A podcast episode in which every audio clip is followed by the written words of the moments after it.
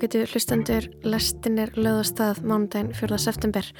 Í þettinum í dag norður makedónisk hrollvekja, kvalviði mótmæli í nútíð og fortíð og tónlist góða hyrðisins. Myndin er þó ekkert sérstaklega frumleg sem held og skýrt í mörgum atriðum að innblastur hefur verið sóttur í hjöldlækju greinina. Því er þó merkilegt hvaðan er textu vel að púsla þessum atriðum saman í held án þess að framkvæmdinn sé nokkuð tíman klísukend. Nýja vekur hún upp pyrringin sem er algengur við áhorfa á hundléljum hrótleikjum þar sem að úlingarnir verðast verið með greindarvísutölu ávitt í öftíðatæki. Þær eru búin að vera upp í mastri síðan hvað, millir 5 og 6 í morgun. Uh, löggan kom mjög fljótt uh, og uh, fór hérna upp í svona krana og reyndi að ná henni henni hýtu niður, tók af henni tösku með vatni og síman hennar. Mér finnst gaman að leita að fegurinni eða því sem hreyfið við mér og Ég hef heyrt það innan listaháskólans sem ég hef aldrei gengið í. Þar sé hreinlega bannað að leita að fegurðinni eða tala um eitthvað sem fallegt. Ég heiti Lóabjörg Björnstóttir. Og ég heiti Snorri Raffn Hallsson.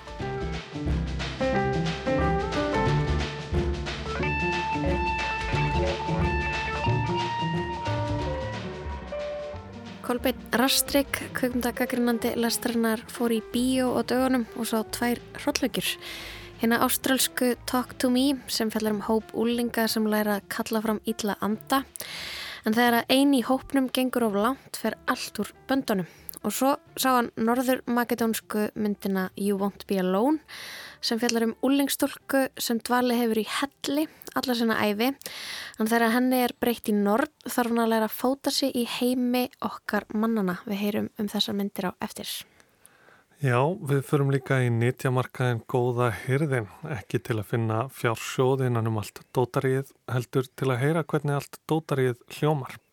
Listamæðurinn Haldur Eldjátt dvaldi í góða hyrðinum allan lögadaginn og samti tónlist á staðnum með hljóðum, hljóðfarum og hlutum sem hann fann í veslunni. En við ætlum að byrja á máli málana kvalviðum.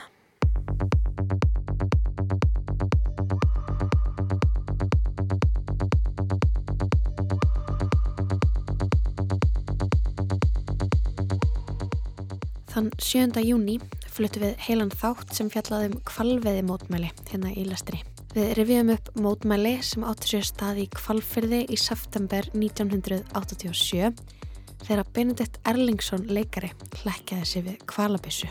Þá var Benedikt úlingur en aðgerðarnar skipulaði hann á samt vinum sínum og Magnúsi Skarpíðinsinni. Ég held að hún hef ekki verið plönu með miklum fyrirvara. Ég held að hún hef komið frekar fljótt upp þetta bara sömar.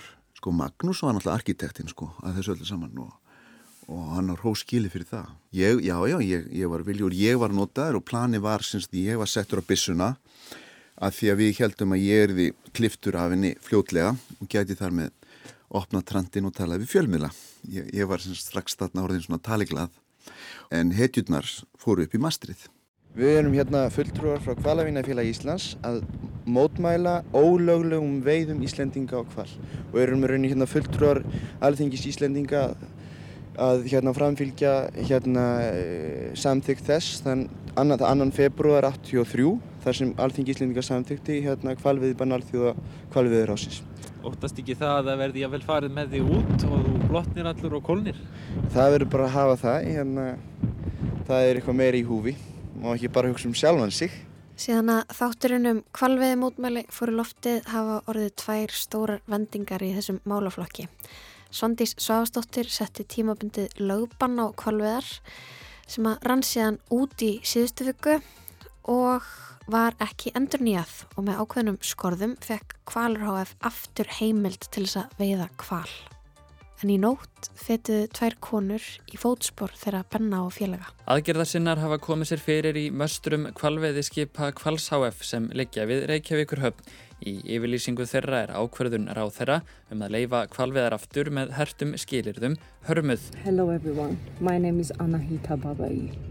I am one of the huge group of people against whaling here in Iceland. Ég ákvað að kíkja neyru höfn og sjá aðgerðnar með berum augum. Stand your ground! We're coming back with more people! Þegar ég var komin neyru á höfn rekst ég á Írisi Stefaníu Skúladóttur sem var velinn í málum og ég spurði hana út í fólkið í mastrinu. Upp í mastri er hún Anna Hýta og Elisa. Það er, eru hinga komlar til þess að stoppa kvalveiðar og fara upp í möstrin svo að báðarnir komast ekki út mm -hmm. til veiða. Er, eru þær búsettar á Íslandi eða?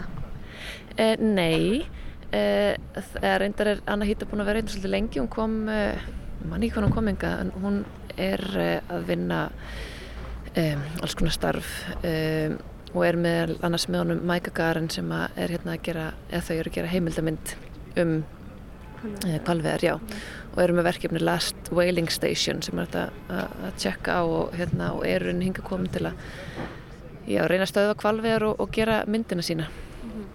Mm -hmm. Og hvernig þarna uh, mættu þið? Þær eru búin að vera upp í mastri síðan millir 5 og 6 í morgun uh, Löggan kom mjög fljótt uh, og fór hérna upp í svona krana og reyndi að ná henni henni hýtu niður, tók af henni tösku með vatni og síman hennar um, það var bara ekki mjög fallegt sko en þetta þess að náða á filmu og, og, og búið að hérna láta vita. Og núna er, er komin aðeins mikri taktik hjá þeim. Vonandi að þeir hafa fengið skammir fyrir þessi vinnubröð um, en hún náði að halda sér fastri þarna í masterinu. Eru þær hlækjaðar að bundnara, hvernig er það fastar hann uppi? Já, Anita var eitt hlækju en mér skilst að það hefur klift á hjá henni, ég er ekki alveg, alveg 100% viss en hérna, já, það er það eru það, en það er mjög erfitt að vera þarna uppi og hérna, kallt og, og, og erfitt að setjast niður, þetta er svo þröngt. Um, en við erum búin að núna byggja uh, um það að það sé sendt kannski til hennar Anita allavega vatn.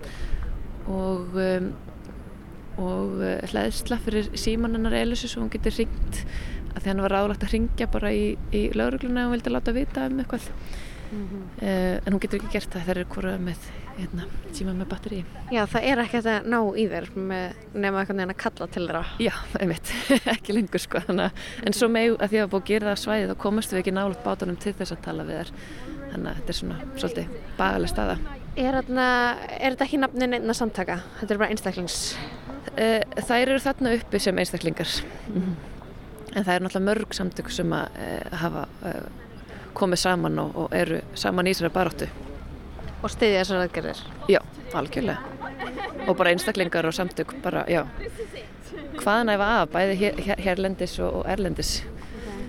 að þetta eru þetta, e, þetta er náttúrulega mál sem að varðar stóru myndina líka, þetta er ekki bara varandi Ísland, þetta er líka hérna stóra myndin. Það er, hér ráða fólk bara út um, út um allan heima ræða það og einhverjum krísufundum hvernig við getum barist við hérna bara hlínunjarðar og, mm -hmm. og, og, og hvaðina e, og svo erum við kvalina þessar þessar vélar sem bara vinna fyrir okkur reynsa loftu okkar basically sko mm -hmm. e, og við ákveðum að drepa þá sem að er bara ekki alveg í lægi Já, hvað láta reyna á það að tala við lauruglun á svæðinu.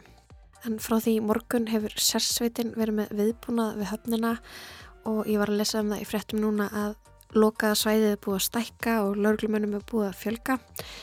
En ég átti frekar skrítið samtal við tvo lauruglumenn sem stóðu við gulan plastborða á bryggjunni og ég viðkynna algjörlega minn þátt í því ég notaði frekar slöpp rauk sem var hleyðað. Hæ, ég var eitthvað að spá, má ég fara til þeirra og, ta og tala við þær? Ekki viðtal fyrir, okkur ekki? Það er bara lokað þetta okkur. Það var bara ekkert að gera neitt meir úr þessu heldur en er komið þar. Já, ok. Það er svona svo lítið að stoppa mig en það er bara eitthvað svona gullt plastband. Já, þú mátt ekki fara fram við þessu. En hvað gerist ef ég gera það? Handbúður. Ok. Það er bara þannig. En ég þarf að, ég þarf að vera í vinnunni þannig að þið geti megi ekki handtaka mig. Ég þarf að setja í útvarpi í dag. Það er hérna í leiðisleysi, þá verður við handtaka. Ok. Já, má ekki handtaka fólk þegar það er í vinnunni. Nei. Mér langar bara svo upp til að tala við þær. Það vinni á rúf? Japp. Það er eftir að koma niður og þá talar við það bara. Finnst þið gaman í vinnun í dag eða? Alls ekki, ég frekar vilja að gera eitthvað stannar sko. Hvað hefur frekar viljað gera? En það voru fleiri niður á bryggju fyrir utan lögguna og fjölmiðla. Í sylvilitum BMWF satt maður og tók myndir af því sem var í gangi og einhverju sem ég reddi við voru með þá tilgótu að hann væri starfsmæður Kvals HF. Erstu alveg viss?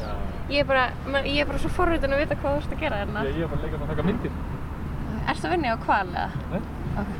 ég er ekki vinna við neitt. Ok, ekki starfsmæður Kvals HF og ekki til í viðtal en mér tókst að ná aðeins tali af Heru Hilmarsdóttur leikonu sem var á sveðinu. Um, ég kom unna fyrir kannski hvað klukkutími síðan kannski mm -hmm. og já, ég hef verið til að koma fyrir en bara því mér komst ekki fyrir að sjá hvað er í gangi. Langaði þið eitthvað sjálfri að fara upp í skipið eða já, taka veist, þátt í þessum aðgjörðum sem þær standa í? Sko, það er svolítið flókið spurning hvort að maður treysti sér upp í masti en ég er allavega stend með þessum hugröku konum sem að sem að, þú veist, ákveða að gera þetta og bara og standa með sínum bara á skoðunum og trúum og, og vilja venda kvalina þannig að ég bara, já, ég menna gott hjá þeim sko Hvað heldur þú ætlar að vera einna lengi í dag? Ég ætla bara að vera einna eins lengi og ég get í rauninni. Ég bara, þú veist, þó að ég sé ekki sjálf upp í þessu masti eða, eða kvalavinnir eða, þú veist, þá erum við hérna til að styðja styðja þær í þessu. Af því að, þú veist, mér finnst í rauninni bara hver og einn manneski að gera það sem að þær geta gert sem, og ég segi sko ekki án, án alls ofbeldið sko, til þess að bara láta um, skoðun sína í ljós og, og já, standa með því sem skiptir mann máli. We're coming back with more people. You're doing great, we love you. Það sem er náttúrulega mikilvægt í þessu er að, að sína þeim stuðning að vera hérna og styðja það sem það er að gera. Aha. En þær þurfa vatn, þær voru að kalla úr Já. tjörnunum og þær þurfa vatn. Já, önnur þeirra er, er, alveg, er ekki með neitt. Ok, þarna... Hefur eitthvað reynd að fara upp til þeirra? Nei, að- should provide you with water That's Okay. your right Yeah Það er búið að girða af svæðið og það er búið að láta lögguna vita að hann þurfa að fá vatn en við erum bara vonast til þess að það gerist. Mhm. Uh, og svo fórum við eitthvað að fabulera með hvort að geta einhver dróni faraðin upp en það er hérna flugbann hérna yfir svæðinu þannig að það var ekki hægt. Ok. En já.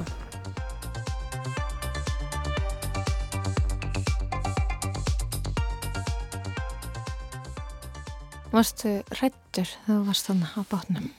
Já, það var, neð, já, þetta, jú, þetta, þetta var, það var adrenalín í aksjónunni og, og maður vissi að við vorum auðvitað að leggjast á högstokkin á einhvern nátt.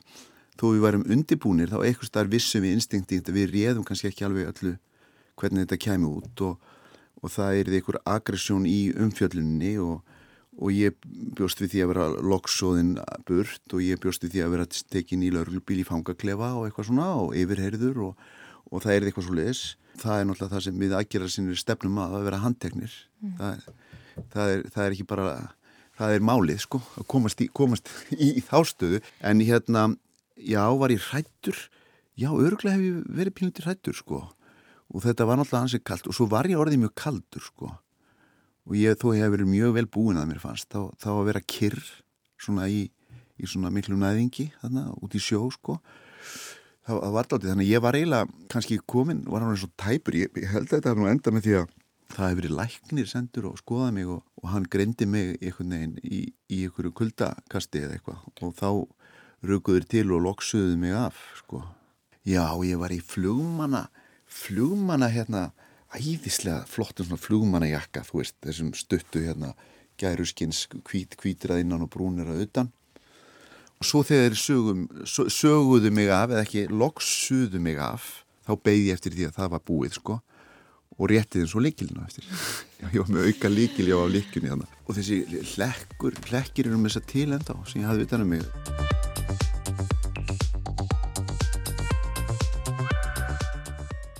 Uh, Mika Garin, what's the reason for you being here today? Um, well, The, uh, the two up there on the boat um, are doing something incredibly brave and selfless and they're Mæka Garen var stattur á bryggjunni en Íris myndist á hann áðan.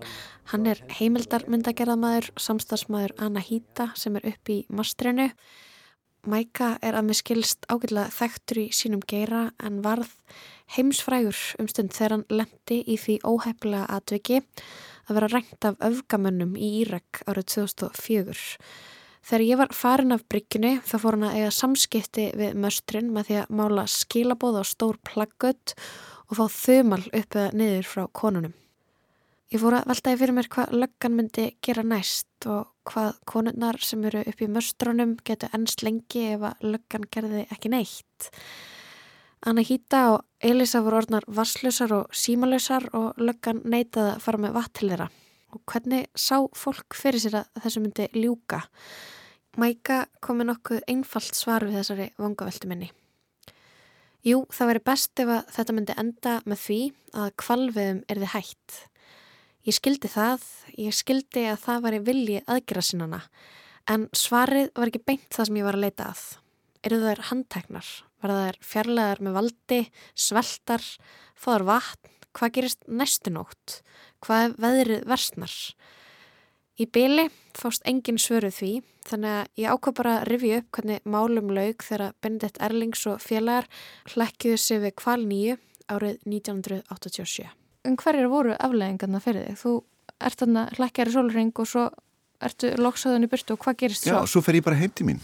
Þú bara stígur upp í bíl og gerir heim? Já, kerir heim og, og, og, og það var ekki eins og lögurglumæður sem talaði við mig, held ég. Það var ekki eins og neitt slíkt.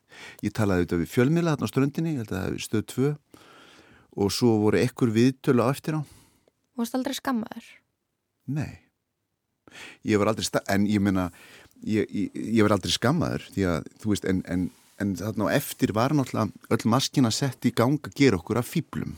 Hefnuðust aðgerðnar? Fór Já. kvalur nýju út að... Nei, veiða? hann fór ekki út þessi síðastu túr, þessara vertíðar var það ekki síðastu túrin þannig að við, við getum lifað á því við getum selt okkur þá svo, getum við sagt þannig að, og við allavega slóum þessa nótu og ég held sko eitthvað staðar er ég á þessu ennþá þar að segja, það er þannig í átökum okkar sem við stundum setjum á leikur, í leikúsinu leikúsið er veist, þetta plattform sem sjáum hugssjónur og hugmyndir okkar takast á án blóðsúttellinga en einhvers staðar í þessu samfélagi erum við, þegar við semjum um gildin og finnum millileðina þá, þá er alltaf hverjir fá að koma að stað samlingaborðinu og það eru ekki bara þeir sem hafa einhvern móral það eru þeir sem hafa einhvern nefa Í dögun sefur speil hafsins,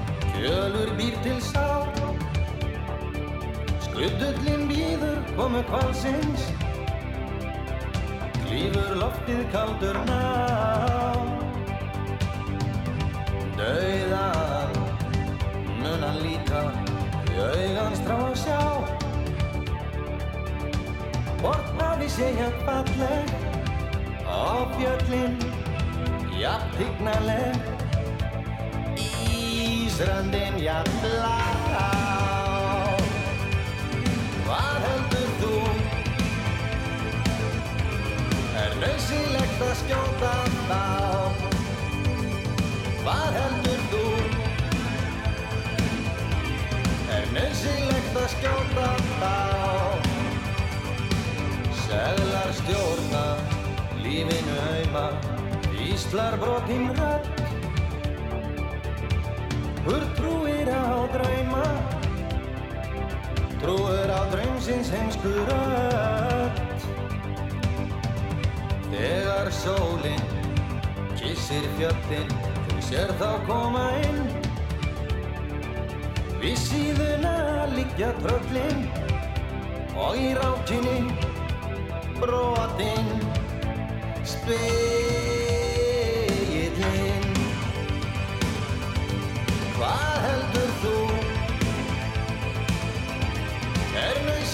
að skjóta þá? Hvað heldur þú? Er nöðsilegt að skjóta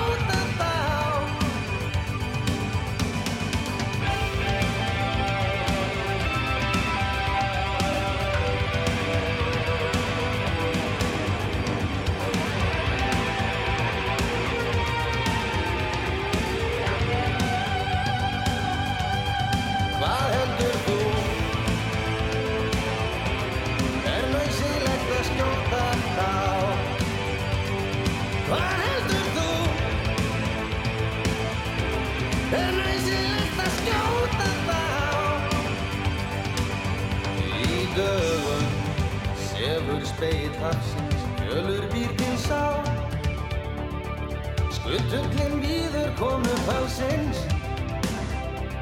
Lífur loftið kaldur ná. Dauða mun hann líka í augans drá að sjá. Orpaði segja kvarleg Lagið er nöðsynlegt að skjóta þá, lag með Bubba Mortens, einslæginu hljómaði líka lag með tónlistmannunum Andi, lagið Seiði. En þá förum við úr raunveruleikanum og yfir í tjöfulegan veruleika kvikmyndana með Kolbeini Rastrik. Nú er nóg komið af sumri og gleði og þess konar vittleysu. Veturinn nálgast og það er einskott að þessu búin að huga að sálarlífinu. Einangrun og vesældina er tökum á okkur ef að þið náðu ekki að kveða burt drauga fortíðar því eins og þið vitið hafa allir sinn djöful að draga. Eða það er allavega það sem að kvikmyndir vikunar vilja að tellja okkur trúum. Í vikunni fór ég á tvær myndir í röð í Bíóparadís sem báðar fjallum djöbla af innri og ytri gerðinni. Fyrirmyndin er Talk to Me en hún er frumraun ástrálsku týpurabræðrana Danny og Phil Philippou. Þeir eru hvað þekktastir fyrir að halda út í YouTube-rásunni Rakka Rakka þar sem að þeir byrta stutt grín hróllaugjumindbönd.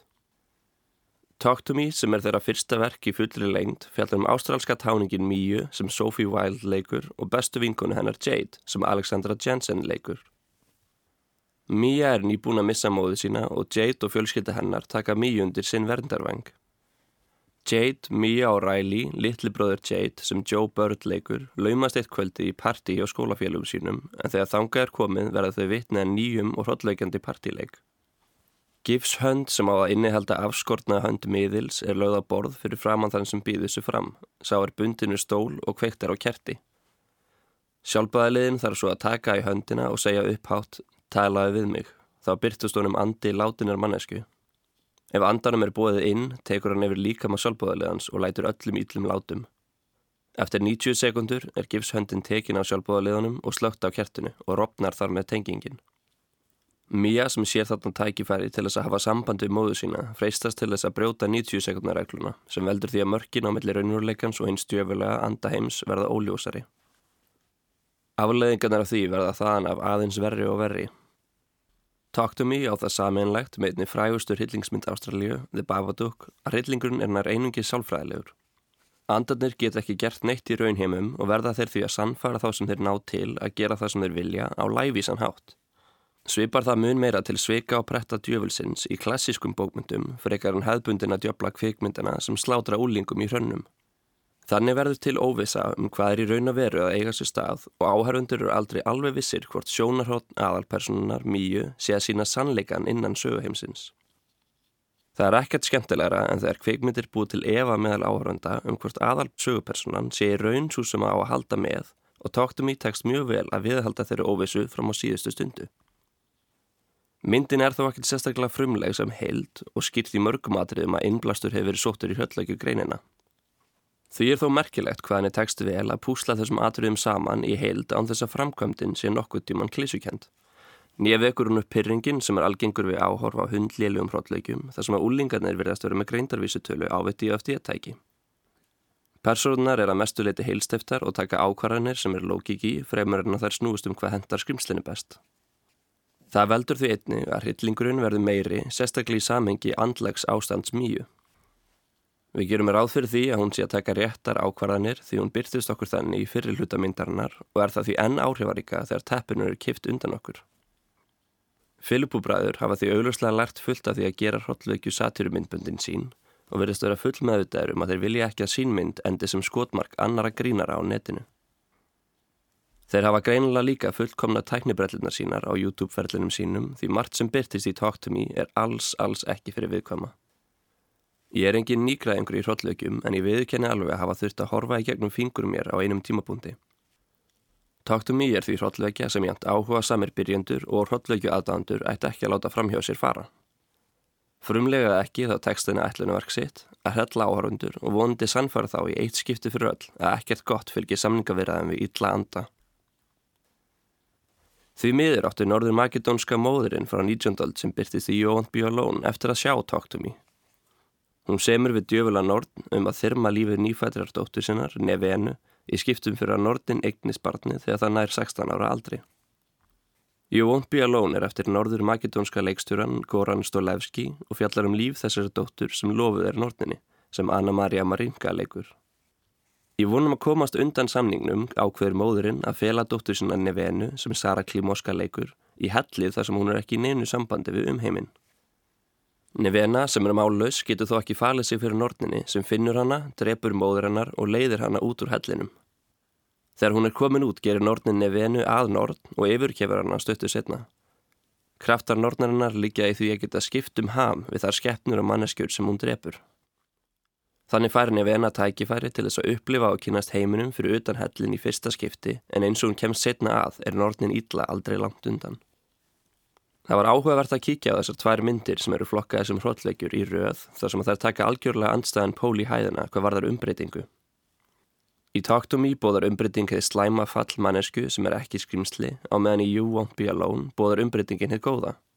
Aðal persóna You Won't Be Alone er skrimslið og eins og í tilfelli skrimslis Frankenstein er umbreytingin af hennu góða. Eins og í Frankenstein kemst nefaðana af því að ílskan býr ekki í líkamlega forminu heldur frekar viðbröðum annara við forminu. Fyrsta formið sem hún tekur sér er form ungrar móður í nærlegjandi þorpi. Nevena drefur hana án þess að ætlað sér það og ákveður að prófa að lifa lífi hennar. Það kemur fljótt í ljósa viðbröðun við formi hennar sem eiginkona í þessu samfélagi kvotbonda á 19. aldinni eru síður en svo æskileg. Maðurinn sem telur hann að vera eiginkonu sína beitur hann á ofbeldi en Nevena sem er frekar hissa á lifnarháttum mannfólksins en óttast legin fara að vita frá teindamóði sinni að þessi hegðun hafi eiginmaðurinn ert frá föðu sínum.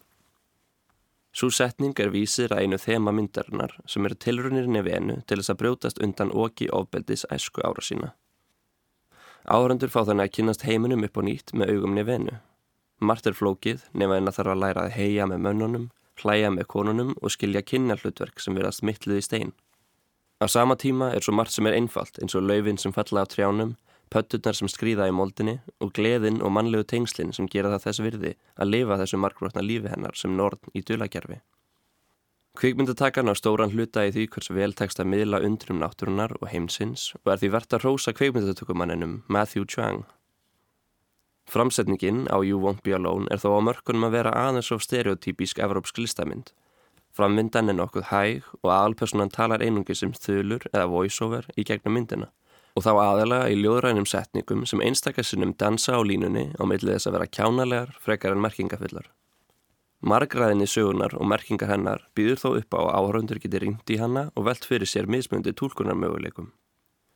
You Won't Be Alone á því ánefa eftir að falla misvel í kramið hjá áhörundum eftir því hvernig sagan er tólkuð, en ferðalag nefnu um samanlega þætti okkar er þess virðið að leggja upp í, jável þó að það sé bara til þess að sjá þá kvikmyndaði svona fallega. Samankvort áhörundur ákveða að fara á Talk to Me eða You Won't Be Alone ætti megin niðurstaða bíóferðarinnar þó að vera svo sama. Það bóðar aldrei gott að bjóða hinnu djöfulega að samningaborðinu.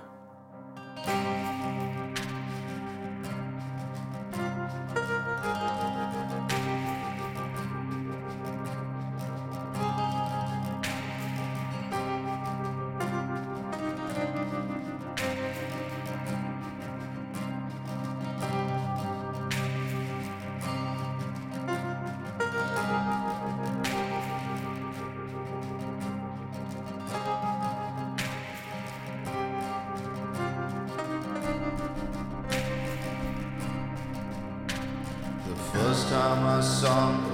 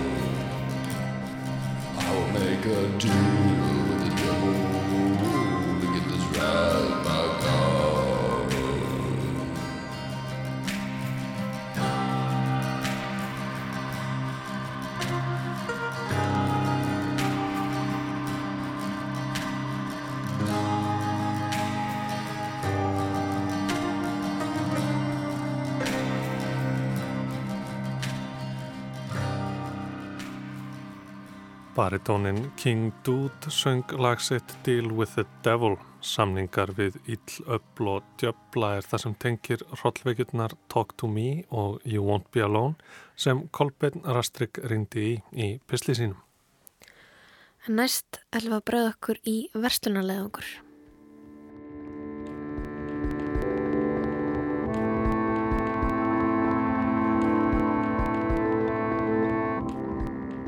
Það kennir ímessa grasa í góða hyrðinum, nýtja markaði sorpu við köllunarklætsveg þar sem gamlir hlutir öðlast nýtt líf.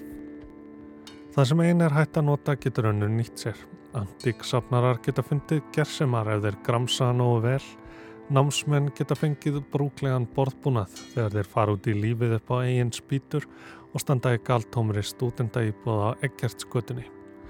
Og einan um gamalt dótari leynast stundum fínar hönnunarvörur sem geta glatt hvaða fagur gera sem er. En þetta getur líka verið svo litið happa glappa. Í því fælst einmitt fegurðin í góða hyrðinum þegar eitthvað óvænt verður á veimanns. Og á lögadaginn síðasta var af nógu að taka en þá hafði tónlistamæðurinn Haldur Eldjárn komið sér fyrir í vestluninni með hljóðkerfi, tölvu og hljóðnema og bjóð til tónlist fyrir viðskiptavinnina alfarið úr hljóðum og hljóðfærum sem hann fann í búðinni.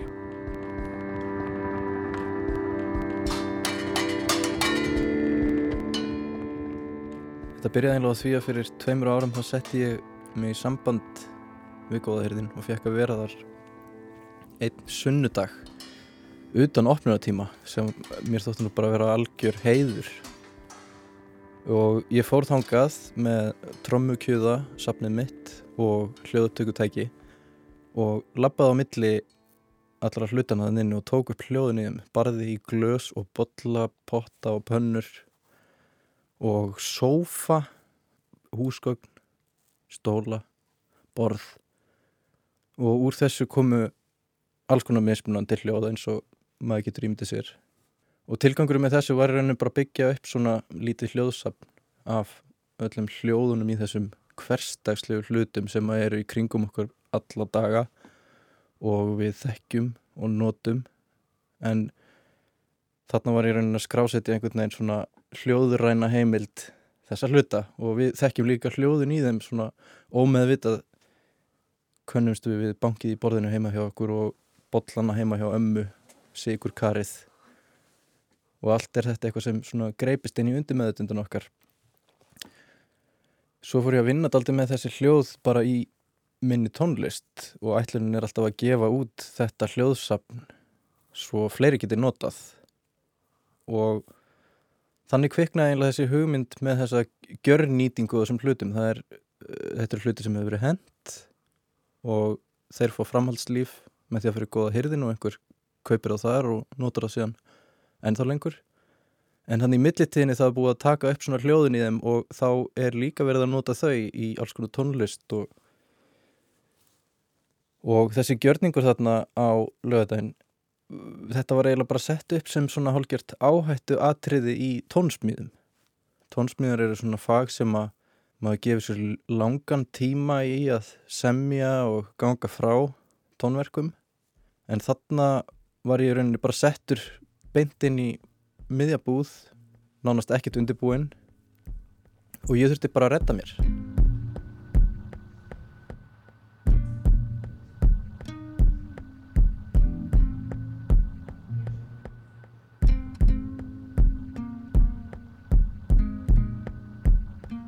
Markmiðið var að vera þarna daglangt í búðinu og spila og búa til tónlist bara úr hlutum sem ég myndi finna á svæðinu. Og þetta var alveg einstaklega áhugavert verkefni og kom mjög vel út á mínum að þið. Þarna voru til dæmis hljómborð, gömur hljómborð og gamlar vínurplötur, alls konar pottar og pönnur sem ég tók mér. Og svo var ég með tölvu og hljóðnema sem ég reynda að koma með sjálfur, fekk svona smá svindla með útbúnaðinn. Og bara byrjaði með ekkert og fór að taka upp einhver hljóð og ræða þeim upp í ritma og svo fór ég á hljómborð sem ég fann þannig og tók upp smá úr því og svo gæti ég miksað það svona saman í tölvunni og eftir smá stund var farið að koma einhver taktur og einhverju hljómar og svona. Og svo komið þarna einhverjir vini mínir hljómborðsleikarar uh, og kom og spiluði aðeins með líka droppuði inn og út yfir daginn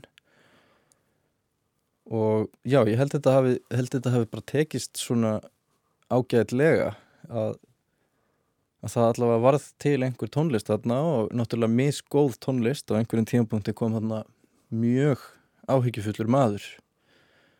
Og hafiði við hefði þau ummæli um að þetta væri alveg óþólandi hljóð sem þarna heyrðust. Og ég sagði já, bara þakka að kella fyrir það en svona 99% þeirra sem voru í góða hyrðinum þarna komu og stöldruðu við og hlustuðu og það voru margi sem stóðu þarna, það, það var held ég einn stelpa sem satan í þrjá klukkutíma og hlustaði. Ég vona að henni hafi þátt skemmtilegt. Og svo var alveg fullt af öðrum sem stóðu þarna lengi lengi og voru að hlusta og, og bara njóta. Og hvernig var tilfinningin fyrir þig að standa þarna fyrir allra augum að, að með áhættu aðtriði tónsmíðum þetta var ekki gott á stundum en, en gott líka. Hver er tilfinningin þannig?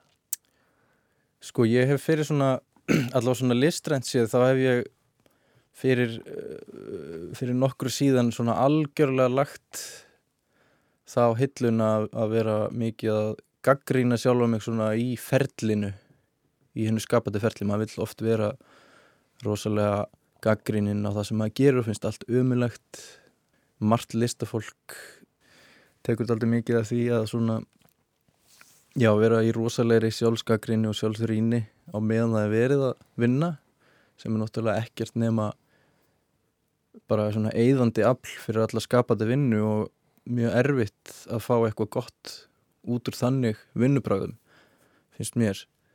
En þarna var ég raun búin að losa mig við all, alla svona gaggrínu og leiði þessu bara aldrei að flæða áfram vitandi það að ekki alltaf þessu geti verið gott. En, en kannski myndi maður finna eitthvað svona bara svolítið eins og þegar maður fyrir góða hyrðin maður finnur sko sjálfnast eitthvað sem er alveg frábært. En maður finnur oft bara hluti sem eru góðu til síns brúks.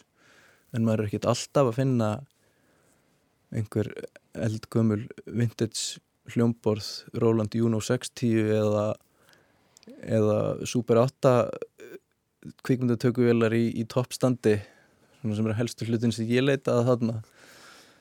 Og svo líka þetta með að með það að vera settur svona inn í almannarými gagvart fasta kunnum sem bara gera ráð fyrir að geta farið í góða hýrtin á þess að sé eitthvað verið að trubla þau.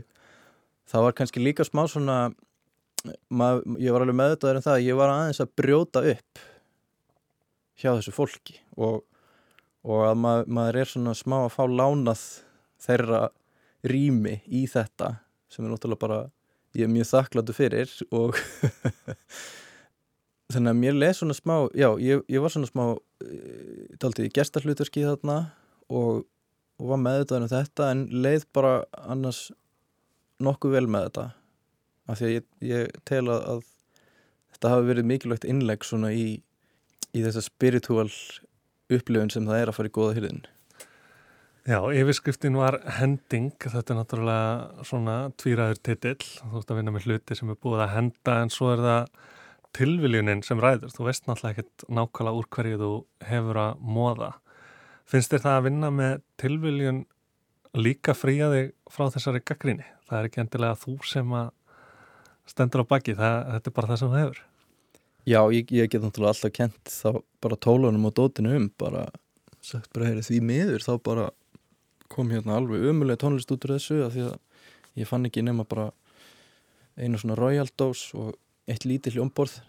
Nei, nei um, tilviljunin er stórmerkileg og ég vinn daldið mikið með hana í minni list kannski þá meira í svona tölvu hliðinni af því að ein leið til þess að láta tölvur skapa eða til þess að láta þær sínast vera að skapa list er að láta þær vinna eftir svona tilvinnanleikjaldum ferlum.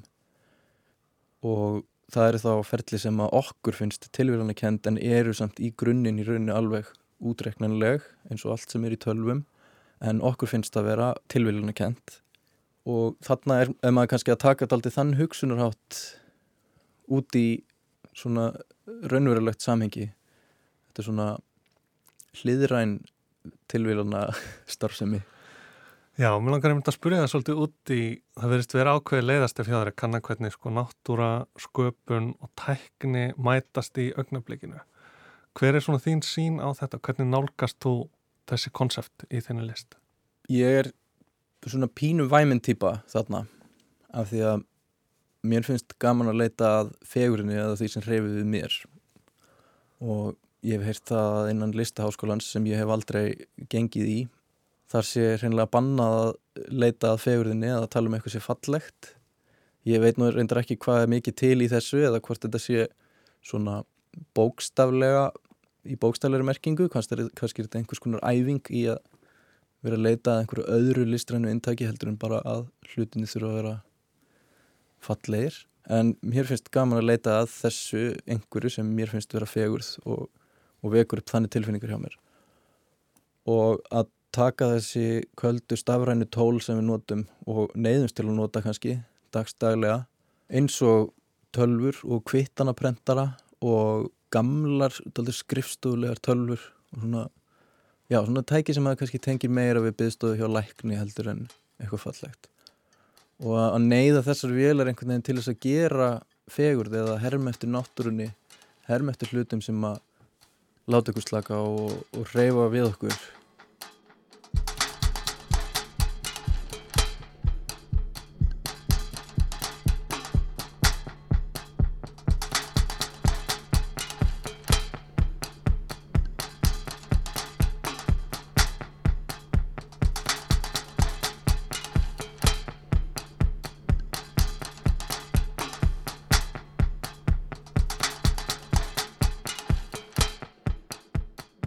Plöntugarðurinn er síning sem ég hef haldið nokkru sinnum þar sem ég síni tvennskonar myndlistaverk. Í þessari síningu þá er ég með myndir sem eru búinar til úr krækiberja bleki og eru teiknaðar með svona vélarmi sem er tölvustýrður og ég er búin að forrita armin til þess að teikna svona eins og júrtir sem líkast svona einhverjum íslenskum fjallagröðsum og í hvert skipti sem ég keiri forrætti þá kemur alveg glæni jurt út úr en þær eru svona, þær eru svona svipaðar eða eins og þær séu af sumi tegund. Þetta er eitt verk, það er þessi myndaserja eða óendarlega myndaserja ég get alltaf látið tölvun að rekna út nýju nýja mynd. Og svo er uh, hitt verkið sem er eiginlega svona uppfinning það er plönduprentari og þá hef ég tekið kvittanaprentara svona eins og maður uh, sér í verslunum og videolegum þar sem mann er búið að taka streamilinn, viltu kvittun. Um, þetta eru rosalega flottar velar, það er prenta á pappir aðeins að nota blek prenta á svona rullu og svo rýfum maður það af. Þennan prentara er ég búin að forrita til þess að prenta svona endalösa klefurjurt þannig að prentarinn hangir einhver stöður upp á vegg og, og er alltaf að prenta út þessa jurt og hún byrja síðan svona að leka niður úr, úr prentarannum. Þetta gerist rosalega hægt þar að segja að það kemur bara 1 mm kannski á klukkutíma út úr þessari vél. Þannig að yfir nokkra daga þá er hún búin að, að því að manni finnst vaksa bara því að þetta gerist svo hægt. Maður kannski fyrir burtu, kemur aftur og þá sé maður að búið að bætast aðeins við plöntuna. Og plöntugrafíkin sem hún prentar á strímilin er reiknuð út jafnóðum og líkist alveg plöntu og breytist eftir í hvað það er mikið ljós inn í rýminu. Þannig ef það er mikið ljós þá verða löfblöðun og plöntunni stærri og það vera fleiri löfblöð og ef það er minna ljós þá sé maður bara stilkin þannig að þetta hjálpa menni líka að skinja tíman í svona stærri einingum heldur en bara sólring eða klukkutímum. Maður sér kannski heila viku prentast út og sér hvernig jörtin svona andar breyður úr sér og dreyður sér saman breyður úr sér og dreyður sér saman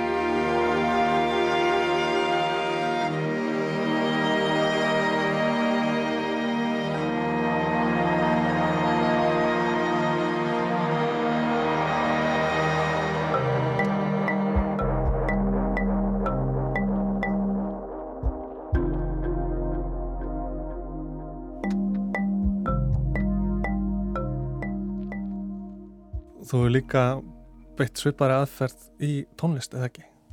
Jú, um, það var kannski sérstaklega fyrsta uh, soloplatan mín sem heitir Poco Apollo þar sem ég skrifaði forrið sem að breytir myndum í tónlist og ég valdi myndasafn frá NASA frá tunglendingunni og dældi þar 14.000 myndum inn og fekk út úr þessu forriti 14.000 lítil tónverk.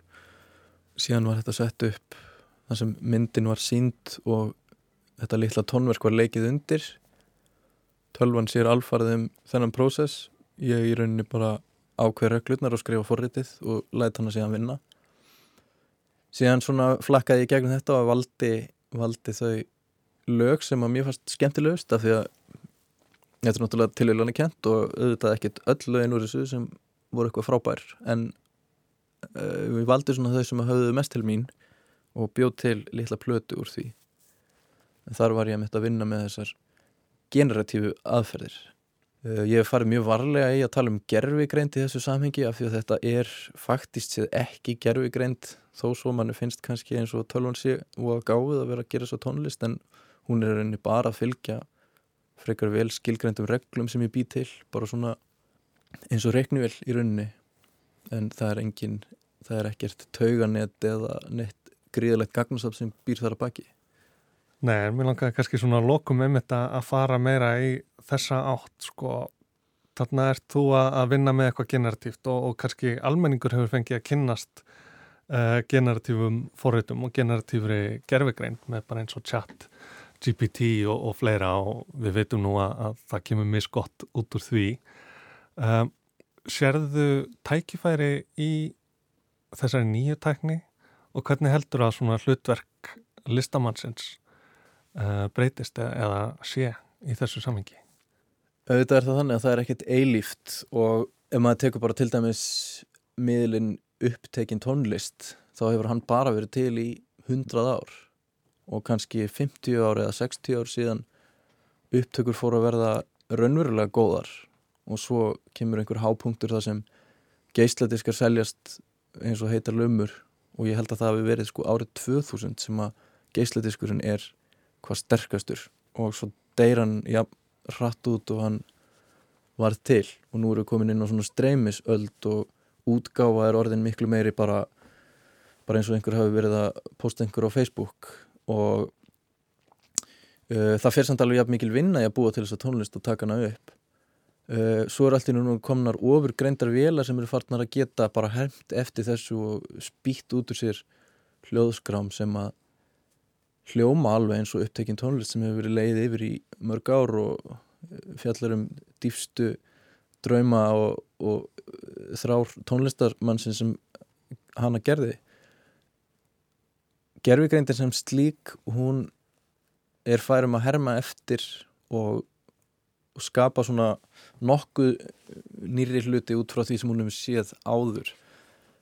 En það sem ég held að fólk sem virkilega er innvikt inn í að fylgjast með og, og njóta listar sem er kannski ekki bara með útarpið í gangi að hlusta tónlist heldur kannski fyrir aðeins dýbra og kaupa sér plötur og er að hlusta og pæla þau mun, munu alltaf vilja vera í samtali óformlegu samtali við listafólk sem er þarna á bakvið einhver staðar og reyna að gera sér í hugalend svona hvað, hvað er verið að segja hér.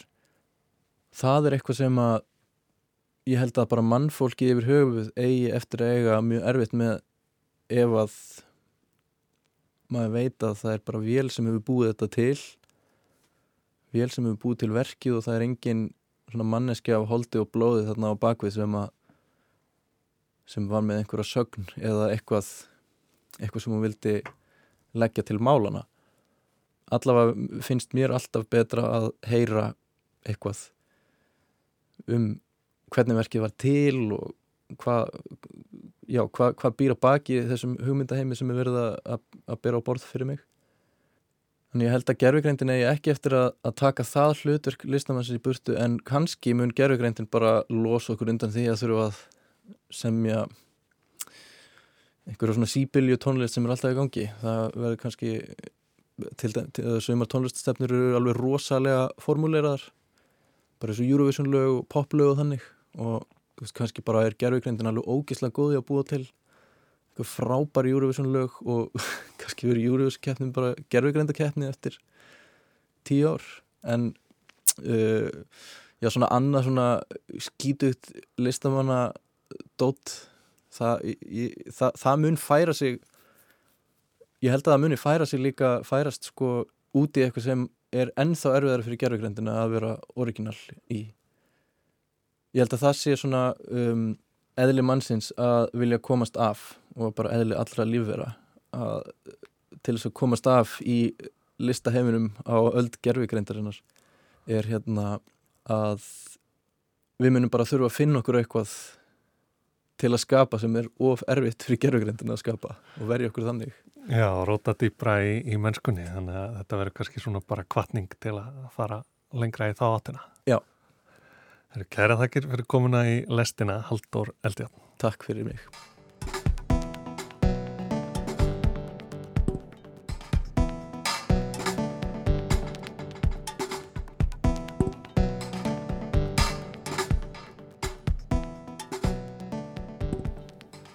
Haldur Eldján leik tónlist í góða hyrðinum á lögadaginn, tónlist sem hann samti á staðnum, alfarið úr hljóðum þeirra hluta sem hann fann í búðinni.